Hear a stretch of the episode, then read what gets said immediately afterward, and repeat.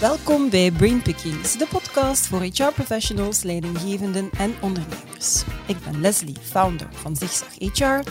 En met Zigzag HR dagen we jou uit om jezelf en je vakgebied heruit te vinden. Abonneer je dus zeker op dit YouTube-kanaal of volg ons op jouw favoriete podcastkanaal. Talent aantrekken en aan je organisatie binden. Dat zijn twee uitdagingen die vandaag heel hoog op de agenda staan bij nagenoeg alle organisaties. De war on talent woedt hevig en belangrijk om weten daarbij is dat bijna de helft van al dat talent op onze arbeidsmarkt geboren is tussen 1980 en 2000. En zij zijn veel gevoeliger dan de vorige generaties als het gaat over technologie waarmee ze werken. En ze verwachten ook veel meer autonomie en keuzevrijheid daarbij. Dat is alvast één van de trends die mijn gasten van vandaag, Siska Schroten en Niels Schoofs van uh, Econocom, zien. Een trend die nog meer is toegenomen nu we meer remote samenwerken. Ook digitalisering staat hoog op de agenda in bedrijven en dat gaat sneller dan ooit. Maar die digitale transformatie, dat zal pas lukken als medewerkers er ook effectief mee aan de slag willen gaan. In een reeks van drie podcasts kruip ik in het hoofd van Siska Schroten, Niels Schoofs, Chris Kazier en Philip Hostens van de IT-dienstengroep Econocom met zetel in Zaventem. Econocom helpt bedrijven en organisaties met hun digitale transitie. En die hulp gaat breed, van advies, technische ondersteuning en financiering tot cloud-oplossingen. Al bijna 50 jaar doet het Franse bedrijf met Belgische roetstad en steeds met aandacht voor duurzaamheid.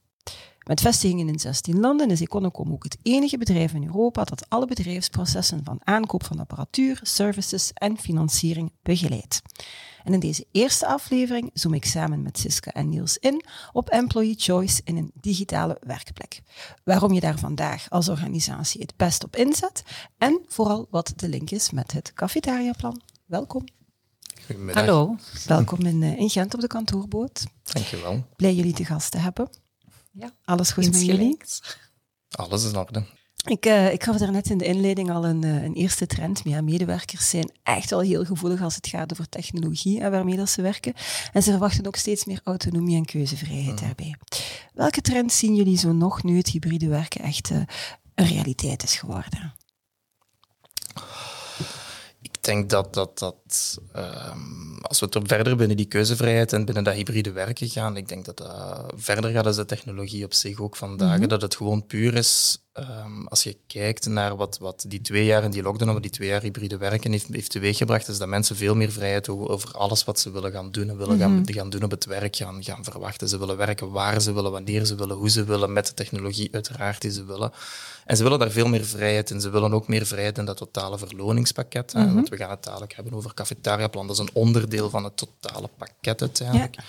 Ze willen daar gewoon mix en match in kunnen gaan doen. Mhm. Ehm, net zoals, ja, gelijk, als je vandaag bij wijze van spreken zegt, we zitten hier nu op de kantoorboot, als ik dadelijk de trein terug naar huis wil nemen, kan ik gewoon zeggen, ja, ik wil nu op Netflix naar mijn favoriete serie gaan kijken. En mhm. ik wil niet straks gaan wachten op een bepaalde zender. Om 19 uur moet ik aan mijn tv.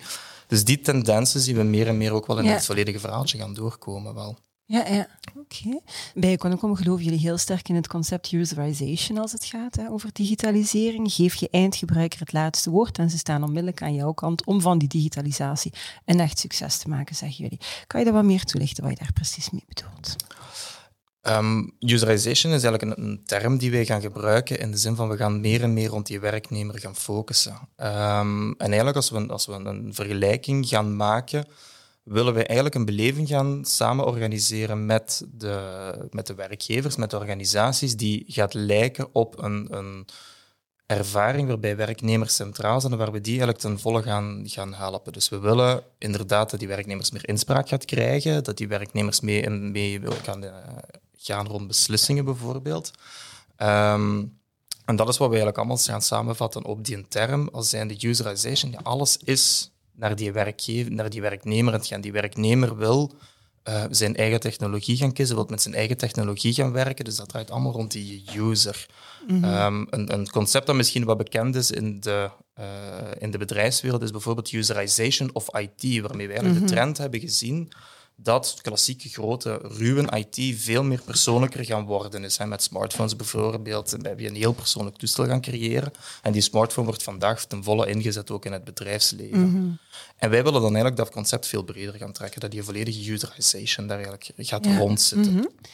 Ehm, de manier om userization dan in de praktijk te brengen en die eindgebruiker, die medewerker, het laatste woord te geven is Employee Choice programma, waarbij dat medewerkers zelf hun technologie kiezen en de oplossingen uit een catalogus die eigenlijk door IT gevalideerd hè, wordt. Choose Your Own Device voldoet aan twee van de belangrijkste strategische organisatiedoelstellingen van deze tijd. Digitalisering enerzijds en het talent kunnen aantrekken en vasthouden anderzijds. Misschien wel handig dat jullie even uitgebreider toelichten wat employee choice is en dan wat die link is met het cafetaria-plan. Ik denk dat het heel belangrijk is uh, binnen die employee choice. Hè, dat, dat klinkt alsof uh, er mag alles, alles kan, alles is. Uh, mm -hmm. hè, maar dat is het niet. niet nee, nee. Belangrijk om dat duidelijk ja. dat is The sky is not, is, is wel degelijk de limit in ja, dit geval. Er is ja, inderdaad een limiet, limiet in het pakket. Wat heel belangrijk is, is wel het, het idee dat. Um, werknemers wel een keuze hebben. Ik ga heel concreet zijn. Hè. Studenten vandaag aan een hogeschool, die hebben webshops ter beschikking waarin zij kunnen kiezen tussen verschillende soorten toestellen. Ja. Een Windows-laptop, een MacBook, whatever. Mhm. Ja. Zij gaan dan naar de werkvloer en wat gebeurt er op dat moment? Ja, hier is uw toestel, doe het daar maar mee. Ja. Ja? Dat, dat werkt niet meer. Mhm. Hè? Dus we zien daar heel duidelijk dat, um, dat zij toch een vorm van een bepaald platform moeten kunnen gebruiken. Hè? We zien dat ook bij ons trouwens op de werkvloer, dat de jonge generatie toch wel echt een vraag stelt naar bijvoorbeeld Apple-materiaal. Mhm. Ze zijn er ook veel meer mee opgegroeid. Um, het is een andere manier van werken. Dus we zien dat eigenlijk, dat komt ook door vanuit het onderwijs, vanuit, hè, vanuit de universiteit, dat die vraag er is. Hè. Studenten krijgen de keuze en dan op de werkvloer valt de keuze ineens weg. Dat is een Mhm. beetje bizar misschien. Ja, ja. Dus het is toch heel, heel belangrijk om te kaderen. We gaan daar keuzes geven, maar we zeggen oké, binnen die keuzes heb jij een Mac-device, een Windows-PC, wil jij, hè, wil jij het ene of het andere, dan kan dat, maar dat is beperkt. Het is Ja. niet het hele gamma van Apple dat je gaat kunnen kiezen, niet het hele gamma van HP dat je kan, gaat Mhm. kunnen kiezen. Het is een beperkt keuzeaanbod. Hè. Er is een soort webshop waar dat zij Ja. beperkt uit kunnen gaan kiezen. Mhm. Ehm, ik denk dat dat een, een hele belangrijke is. Ehm, je vraagt dan ook die link naar die cafetaria-plannen. hè. Eh, wat zien we vandaag is, er is een budget voor IT. Hè. Eh, en sommige werknemers zeggen, oké, maar ik wil bepaalde dingen kunnen of ik wil naar een duurder toestel gaan Ja. omwille van mijn gebruiksgemak. Dat is een keuze. Ik neem het voorbeeld van, ik ben werknemer, ik zit op boekhouding en ik heb eigenlijk genoeg aan een laptop van 500 euro, maar ik wil, omdat ik ja, daar nog andere dingen wil op kunnen doen, wil ik misschien extra budget gaan toekennen aan, Ja. aan eh, dat device. Hè. En ik wil kiezen voor een device dat 1000 euro kost. Mhm. Dat kan. Hè. Dus dat kan, want het cafetaria-plan kan ingezet worden om die budgetten ook Ja. te gaan eh, gebruiken. Dat wil zeggen dat je dus de werknemer ook een telefoon, hè, dat is toch iets wat heel, heel, eh, ja, dat we heel vaak zien. Er worden basistelefoons gebruikt, maar ja, jonge gasten vinden dat heel belangrijk. Hè. Eh, alleen niet alleen jongeren, want ik vind dat ook belangrijk. Ik ook. En ik ben niet meer zo jong. maar het- wat ik daarmee wil zeggen is, ja, ze kunnen op die manier wel Ja. hun budget... Hè, ze hebben een, een Daar is dat eigenlijk al vrij gangbaar Ja, hè, met de smartphone. Voilà. Ja, ja, dus bij de smartphone zien we dat effectief Ja. veel meer, maar allee, dat kan je helemaal ook gaan toepassen op, Op andere devices. device. Ja. Ja, oké. Zeg, en welke rol moet HR daar dan volgens jullie eh, in spelen in, in, in dat verhaal? Ik denk dat ehm, als we vandaag gaan kijken naar de rol van HR, ja, die is natuurlijk veel, veel, veel harder geëvalueerd dan vroeger gewoon. Ja, ze zorgen dat de payroll in orde is Mhm. en daarmee stopt het. Die HR is eigenlijk dat, dat toegangspunt voor de werknemer op de werkvloer anderzijds. En dat is ook een, een, een, een, dienst of een community binnen de organisatie er ook voor moet gaan zorgen dat organisaties, bedrijven zeer aantrekkelijk zichzelf gaan positioneren. Mhm. Enerzijds naar de mensen die vandaag op de werkvloer zijn en anderzijds ook naar de buitenwereld. Vandaag, en het, het is continu in het nieuws bijna, er is een ongelofelijke tekort op de arbeidsmarkt van de juiste profielen om bedrijven eigenlijk te gaan verder helpen. Dus vandaag staat HR voor een enorme uitdaging om zichzelf of het bedrijf waarvoor zij inge- ingeschakeld worden, waarvoor zij werken, te gaan positioneren aan het van kijk, wij zijn echt de, een hele goede werkgever. Ja. Wij bieden verschillende oplossingen aan, verschillende mogelijkheden aan, keuzemogelijkheden ook aan, om eigenlijk het voor de werknemer het zo comfortabel mogelijk te maken om een job te komen doen.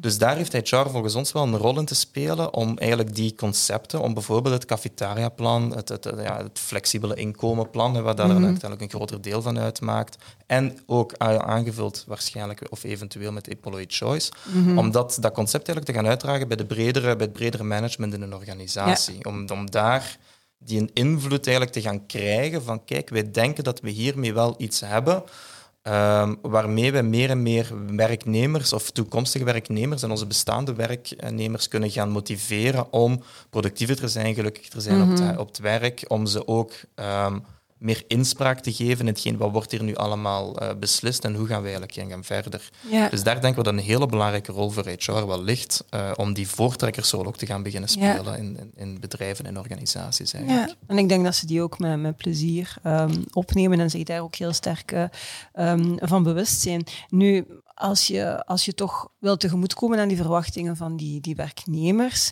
ja, daar komt wel veel meer werklast bij kijken. Hè. Je moet verschillende keuzes gaan. Dat, dat, dat is wel veel gedoe. Ehm, is dat dan wat jullie doen naar bedrijven, zodat je ze een stukje gaat ontzorgen, dat, dat ze dat gedoe niet meer hebben? Ja. Ik denk dat we ze heel, heel, allez, tot heel ver kunnen ontzorgen. Hè. Het gaat van het definiëren hè, van welke toestellen, tot Mhm. het opzetten van webshops, tot IT-medewerkers sturen om hè, ook misschien het beheer te doen van de toestellen, afhankelijk van wat een klant natuurlijk wenst. Hè. Mhm. Voor de ene is dat iets anders dan de andere. Ehm, maar het is heel belangrijk wel dat die werknemer, allee, of dat dat echt een proces is dat van A tot Z eh, goed loopt. Hè? Want het is niet de bedoeling dat dat helemaal in de soep draait. En ik denk dat we daar absoluut van, van A tot Z kunnen ondersteunen. Ja. Ja, mooie geruststelling dan in ieder geval. Want eh, er wordt al heel veel tijd geïnvesteerd in dergelijke zaken. En eigenlijk moet HR kunnen bezig zijn met, met, met die core business en daar volledig van ont, ontlast, ontzorgd worden. En daar komen jullie dan dus eh, in de picture, als ik het goed begrepen heb. Ehm, nu, als werknemers in zo'n employee choice programma zelf een technologie en oplossingen mogen samenstellen, dan zijn de voorkeuren heel duidelijk, heb ik begrepen. 72% van de werknemers kiest voor een Mac, 75% kiest voor een iPhone. Medewerkers geven daarbij vooral user experience als, als doorslaggevende factor. En toch is er op managementniveau echt wel heel veel weerstand tegen. En van waar komt die weerstand? Is die terecht volgens jullie? Ehm, ik denk dat dat heel veel weerstand komt van, als we puur naar het concept employee choice gaan kijken, hè, dat woordje choice. Ik denk dat, dat er weer weerstand gaat ontstaan omwille van het concept van, ja, maar we gaan hier keuze geven en we gaan hier, zoals we het zojuist ook al aanhaalden, ze gaan het het idee van hebben van dat, dat Sky eh, niet de limit gaat zijn, maar we gaan er effectief wel een limiet op gaan zetten. Dus employee choice is effectief wel, ja, we gaan keuze geven, maar we gaan gecontroleerde keuze geven. Mhm. We gaan samen met de klanten, samen met onze klanten, een catalogus gaan samenstellen waaruit zij verschillende producten kunnen gaan kiezen. Dus daar gaan we al die keuze, ja, hij is er wel, maar hij is beperkt. Mhm. Ehm, en de reden dat we die gaan beperken is natuurlijk omdat het achterliggend allemaal beheersbaar moet blijven. Als je ineens naast een klassiek Windows-systeem ook een ander ecosysteem gaat aanbieden, voor de eindgebruiker moet het wel dezelfde ervaring blijven. Ik wil Mhm. vandaag, als ik met een bedrijf kom, wil ik met een Mac gaan werken. Ik wil natuurlijk ook als mijn printer niet werkt of ik kan iets niet afdrukken of een applicatie werkt niet, wil ik naar de helpdesk kunnen bellen. Ja. Dus dat zijn die achterliggende processen die ook allemaal wel goed moeten lopen. Waar we soms ook merken dat er weerstand is, omdat er, dat er een, een angst misschien leeft. Ik weet niet of dat dat het juiste woord is. Ehm, dat vandaag die bereidheid er misschien niet gaat zijn bij, bij sommige teams. Of dat, of dat ze aankijken ten opzichte van oké, maar we moeten hier zoveel gaan regelen of zoveel gaan investeren, misschien nog bijkomend. Puur omwille van ik wil een ander type toestel ook kunnen Ja. gaan aanbieden aan mijn werknemers. Dus ik denk dat daar misschien ook wel die weerstand speelt. Nu, daar kunnen bedrijven zoals Econocom wel heel sterk in gaan ondersteunen. Ofwel kunnen we dat volledig delen daarvan gaan wegnemen en bij ons gaan onderbrengen? Kunnen wij, kunnen wij uh, teams gaan opleiden? Kunnen we ze gaan begeleiden in hoe gaat je processen gaan uitwerken? Dat is, dat is een deel waar wij zeker in ons zorgen. Mhm. Ehm, een ander stuk dat we vaak horen is um, het financiële plaatje. Um, Omdat we het ook al een paar keer gezegd hebben, natuurlijk als je het gaat linken met een cafetaria-plan kunnen we quasi budgetneutraal gaan werken. Want je hebt mhm. het IT-budget en alles wat on top, heeft, on top of is, is eigenlijk wat van de werknemer komt. Maar employee choice kan bijvoorbeeld ook ingezet worden volledig op kost van de, werk, uh, van de werkgever. Als je zegt van kijk, nee, ik wil effectief vanuit het bedrijf die keuze gaan aanbieden, dan speelt dat het financiële plaatje natuurlijk wel een mhm. rol. Want afhankelijk van het merk waarin je gaat of de type toestellen die je aankoopt, kan het zijn dat qua aankoopprijs het prijskaartje van het toestel inderdaad duurder gaat zijn. En daar willen wij eigenlijk heel veel organisaties aanmoedigen om te kijken naar het totale kostenplaatje over de levensduur van een toestel. Ja. Dus de zogenaamde total cost of ownership eigenlijk. Van die mee in kaart te gaan brengen voor de verschillende ecosystemen. En dan gaan we echt wel tot de conclusie komen met heel veel organisaties van eigenlijk valt het wel mee. Eigenlijk zien we in sommige gevallen dat iets wat de perceptie heeft heel duur te zijn in aankoop, op het eind van de rit total cost of ownership eigenlijk heel laag gaat liggen. Mhm. dat zijn dan wel interessante discussies die we kan, kunnen gaan hebben met het financieel management uh, vanuit uh, van die organisaties wel. En zo nemen we een stukje bij beetje die weerstand wel weg. Ja, ja, dus er zijn eigenlijk vooral nog heel veel aannames en veronderstellingen, misschien ook angst, maar waarschijnlijk gewoon verkeerde veronderstellingen op basis van het feit dat men mhm. het gewoon niet weet hè, en, en, en die kennis ja, niet noodzakelijk heeft. Oké, helder. Um, jullie dienstverlening volgt een B2B2C benadering. Vertel. Um, ja, dat is misschien ook een, een term die, ik weet niet of we die moeten toelichten. B2B2C, hè, wat betekent dat? B2C, dat wil zeggen business to consumer. hè. Mhm. Dan gaan we echt kijken naar de eindklant, hè, zoals we allemaal de online spelers kennen vandaag, uh, waar we een ervaring hebben. Hè. Wij, we zijn gewoon dat wij een, iets kopen, dat het er morgen ligt, dat mhm. het, uh, als er iets mee is, dat er onmiddellijk gereageerd wordt. Wij zijn dat allemaal gewoon Een beetje verwend eigenlijk. En daar zagen we toch wel een aantal jaar terug, hè, dat in de bedrijfswereld ja, werd er op een andere manier mee omgegaan. Hè. Mhm. dat, was, dat, dat was meer ja, we kopen grote batches aan we, hè, en, en ja, ze moeten maar bij ons zelf gaan regelen. In dit soort programma's kan je wel die beleving gaan steken, want je hebt hè, een webshop waaruit gekozen wordt. Je hebt een repair portal. Hè. Stel dat er iets aan de hand is, eh, de werknemer kan, kan gaan aangeven, ah, maar mijn toestel is, is stuk. Mhm. En dat gaat van, van dat, daar zit alles in, hè. ook het, het verzekeren. Het, hè. Dus we kunnen eigenlijk die hele ervaring die je kan hebben bij, ja, bij wijze van spreken, bij de shop om de hoek, mhm. die kunnen we daar wel in, in gaan steken. En ehm, we zien dat ook. Hè. Waarom zouden we anders moeten omgaan met, met mensen hè, die dat via het werk kopen dan met iemand die thuis in zijn zetel ja. bestelling doet? Dus we moeten gewoon zien dat die ervaring gelijkaardig is en misschien zelfs nog beter is. Dat zou het ultieme zijn. Medewerkers zijn ook mensen. Misschien vergeten we dat al. Nee, nee, maar dat is ook... Want wij, wij zeggen het soms onder elkaar. Het is meer een human-to-human benadering die je moet wel. hebben. Hè? Dus het, het, mag niet zomaar uh, B2B2C klinkt heel heel, ja, koud en kil. Ja. maar het gaat echt effectief. We hebben ook mensen hè, die de telefoon kunnen opnemen mhm. als er iets is. Hè. Het, het, het, het, gaat inderdaad, we zijn met mensen bezig en we zijn niet enkel met het project bezig. Ja, ja. Dat dat heel belangrijk is. Zeker. Zeg, en hoe start je daar dan mee met zo'n employee choice programma? Kunnen je misschien het proces uh, schetsen dat bedrijven hier, hiervoor doorlopen? Mm Eventueel aan de hand van een voorbeeld. Ik weet niet wat het makkelijkst is voor jullie. Um, ik, ik, denk dat we daar wel een voorbeeld in kunnen geven. Ehm, wat we typisch zien als je naar employee choice gaat kijken, um, zeker vandaag de dag, is dat oké, we gaan iets, want je hebt zojuist ook al aangegeven, bij een smartphone zijn we dat eigenlijk al gewoon dat we dat mm doen zijn. We gaan iets naast die klassieke PC zetten. Hè. We gaan daar bijvoorbeeld een, een Apple device of een Chrome device, whatever, we gaan daar iets anders naast zetten dan hetgeen dat we vandaag kennen. Belangrijk als daarmee gestart wordt in zo van die programma's is dat er een duidelijke visie is in, in de organisaties. Oké, hoe willen wij omgaan met digitalisatie? Hoe willen wij omgaan met, we gaan hier een keuzeprogramma doen en wat is onze doelstelling eigenlijk? Mhm. Ik ga een heel simpel voorbeeld nemen. Uh, wij denken dat door keuze te geven aan onze werknemers van het ecosysteem waarmee ze willen werken, dat ze productiever gaan zijn. Mhm. We kunnen dat bijvoorbeeld staven. Neem een jarenlange Android-gebruiker, geef hem een iPhone en dat gaat de eerste twee dagen ook wel moeilijk zijn. Mhm. Hetzelfde we hebben de studenten die lange tijd met een bepaald toestel hebben gewerkt, komen nu op de werkvloer worden ineens geconfronteerd met iets anders. Dus de doelstelling gaan we dan samen, kunnen we dat doen met de organisaties, gaan we zeggen, kijk, we gaan een doelstelling bepalen. En dan gaan we rond die doelstelling gaan werken uh, om daar bijkomende uh, planning rond te gaan doen en kijken wat we mhm. allemaal gaan nodig hebben. Uiteraard, dat toestel moet besteld kunnen worden. Dus we gaan kijken wat zijn de modaliteiten. Willen we dat dat een e-mailtje is dat naar IT gaat? Willen wij een bestelplatform hebben? Willen wij dat daar een goedkeuringsproces achter zit? Dus dat zijn allemaal zaken waarover verder nagedacht wordt.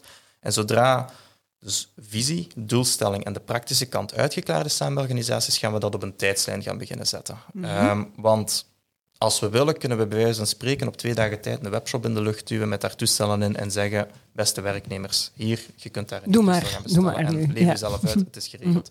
Dat werkt niet. Dus we gaan een tijdslijn plannen. Op die tijdslijn gaan we zeker ook beginnen met informeren naar de werknemers. hey, werknemers, we gaan iets doen. We gaan iets nieuws gaan organiseren voor jullie. Dit gaat dat betekenen voor jullie, mhm. administratief, financieel, whatever, in kader van, van hoe we het gaan inzetten. Ehm, wij denken dat we dit hiermee gaan, gaan bereiken en we zouden het fijn vinden als jullie daarmee in gaan interageren en zo. Dus bouw daar wat community ook wel mhm. rond. Hè. Lanceer dat als iets van, kijk, dat is fijn, dat is iets wat we voor jullie aan het doen zijn. En dat gaan we dan uitzetten op een tijdslijn. En om uiteindelijk op het punt te komen dat we gaan zeggen van, kijk, en hier gaan we nu effectief starten, gaan we het officieel maken en het platform is, is live. Um, Zodra het platform live is, stopt het uiteraard niet, want dan kom je in je dagdagelijkse bedrijfsvoering uiteindelijk terecht. Dus je gaat je mhm. support moeten gaan ingeregeld hebben. Dat hebben we uiteraard gedaan. De opleidingen gaan gegeven moeten zijn. Misschien gaan we de werknemers ook wel wat toegang moeten geven tot bepaalde opleidingen. Zeggen van kijk, we gaan hier toch met een ander systeem gaan werken. En ja, hier draait Microsoft Teams op, maar dan ziet er misschien toch wel wat anders uit op dit toestel. Hoe gaan we daarmee omgaan? Die gaan we die werknemers kunnen gaan ondersteunen. Um, en op het einde van de rit gaan we natuurlijk zorgen dat de KPI's die we bepaald hebben in de voorbereidingen, van ja, we willen dat werknemers productiever zijn, we willen dat natuurlijk gaan meten. Mhm. Is dat nu effectief zo? We zien dat x procent kiest voor een ander systeem. We gaan die personen eens gaan bevragen van, kijk, voelt je nu effectief productiever ten opzichte van twee maanden, drie maanden geleden toen je nog op een ander toestel zat? En op basis van eigenlijk die data die we dan kunnen gaan vergaren, kunnen we ook lichtjes terug gaan bijsturen in het mhm. programma om ervoor te zorgen dat die, dat die beleving er wel blijft en dat dat niet iets is van we hebben dat eenmalig gelanceerd in de hoop van we gaan iets doen voor de werknemers. Nee, dat moet eigenlijk mhm. onderdeel van het DNA van de cultuur van de organisatie worden. Dat er continu mee verder gegaan wordt. En op basis daarvan kan het zijn dat er aanpassingen gaan gebeuren. En dat er meer ingezet gaat worden op opleiding. Dat we misschien toch die helpdesk anders moeten inrichten. Toch dat bestelproces anders moeten doen. Um, en zo gaan we daar samen met die organisaties blijven dat ook wel continu gaan opvolgen. Vinger aan de pols, inderdaad, hoor ik wel. Hè? dat is wel een belangrijke van niet gewoon, voilà, it's, it's up and running en trek nu uw plan. dat is zeker niet. Dat is, dat is, zeker niet de manier waarop wij daar willen instaan met, met, uh, met organisaties die ervoor kiezen om bij ons in zee te gaan, om daar mee te gaan helpen. Ja, oké. Ehm, ja, als ik dan een stukje probeer samen te vatten, we dat weer in, in, de podcast zo al, al, al hebben, besproken, die digitale transformatie, dat vertrekt echt wel van die gebruiker, hè, van, van die medewerker, human to human, hè, wat we daarnet ook nog zeiden. Dat is een van de kernboodschappen misschien die ik er al uithaal. Zijn er nog andere kernboodschappen die jullie graag naar voren schuiven? Wat moeten mensen eigenlijk zeker onthouden van, van, van deze podcast? Ik denk, misschien is het een toevoeging, hè, maar we hebben het even gehad over dat human-to-human, die gebruiker. Maar wat we toch niet mogen vergeten, ook in heel, heel uh, die aanpak. Hè. Je kan ze wel devices geven, je kan ze van alles geven, maar er zit ook wel, Niels heeft het net eventjes gezegd, het stukje opleiding bij. Mm wat ook heel veel doet aan die ervaringen. En, en, en die angst toch ook wel voor een stuk wegnemen. Zowel voor en dat zie ik ook bij mijn zelfs tienerkinderen. Hè. Wij denken allemaal, die zijn heel digitaal, mm. maar die zijn eigenlijk niet zo digitaal. Nee. Die zijn digitaal als het gaat om uh, Snapchat en al die mm. dingen. Maar ehm, ik merk toch dat ik af en toe moet bijsturen en hun ook nog dingen moet uitleggen en leren. Uh, dus ik denk dat dat ook wel nog een belangrijke is om mee te nemen. Hè. Mhm. Zeker naar, naar een HR toe. Van, ja, je kan dit allemaal wel helemaal in place brengen, maar vergeet dat stuk ook niet. ja. ja. Oké, om een stuk de angst misschien weg te nemen. En we mogen er niet van uitgaan dat, zeker als het over de jongeren gaat, dat ze dat allemaal wel gaan snappen en kennen en ermee aan de slag kunnen gaan. Dus die opleiding Is zeker. Uh, ja, en het helpt natuurlijk in zo'n employee choice programma, helpt wel, hè, want daar hebben ze misschien al wel een keuze die dichter ligt bij wat ze kennen. en dat helpt wel ook een stuk mhm. die angst uh, wegnemen. Ja, Oké, heel helder. Dank je wel voor uh, de, dit key-inzicht. Heb jij nog een ultiem inzicht, Niels, dat je graag denk, wil uh, Ik denk dat Suske het allemaal ja. samengevat heeft van denk, houd zeker de eindgebruiker in gedachten, want dat is eigenlijk waarvoor we Employer mm -hmm. Choice willen gaan doen. Maar hou er inderdaad rekening mee dat er daar generaties zijn, de jonge generatie, misschien ook de oudere generatie, die toch wel wat meer omkadering, opleiding ja. enzovoort nodig zullen hebben okay. om dat volledig te verteren.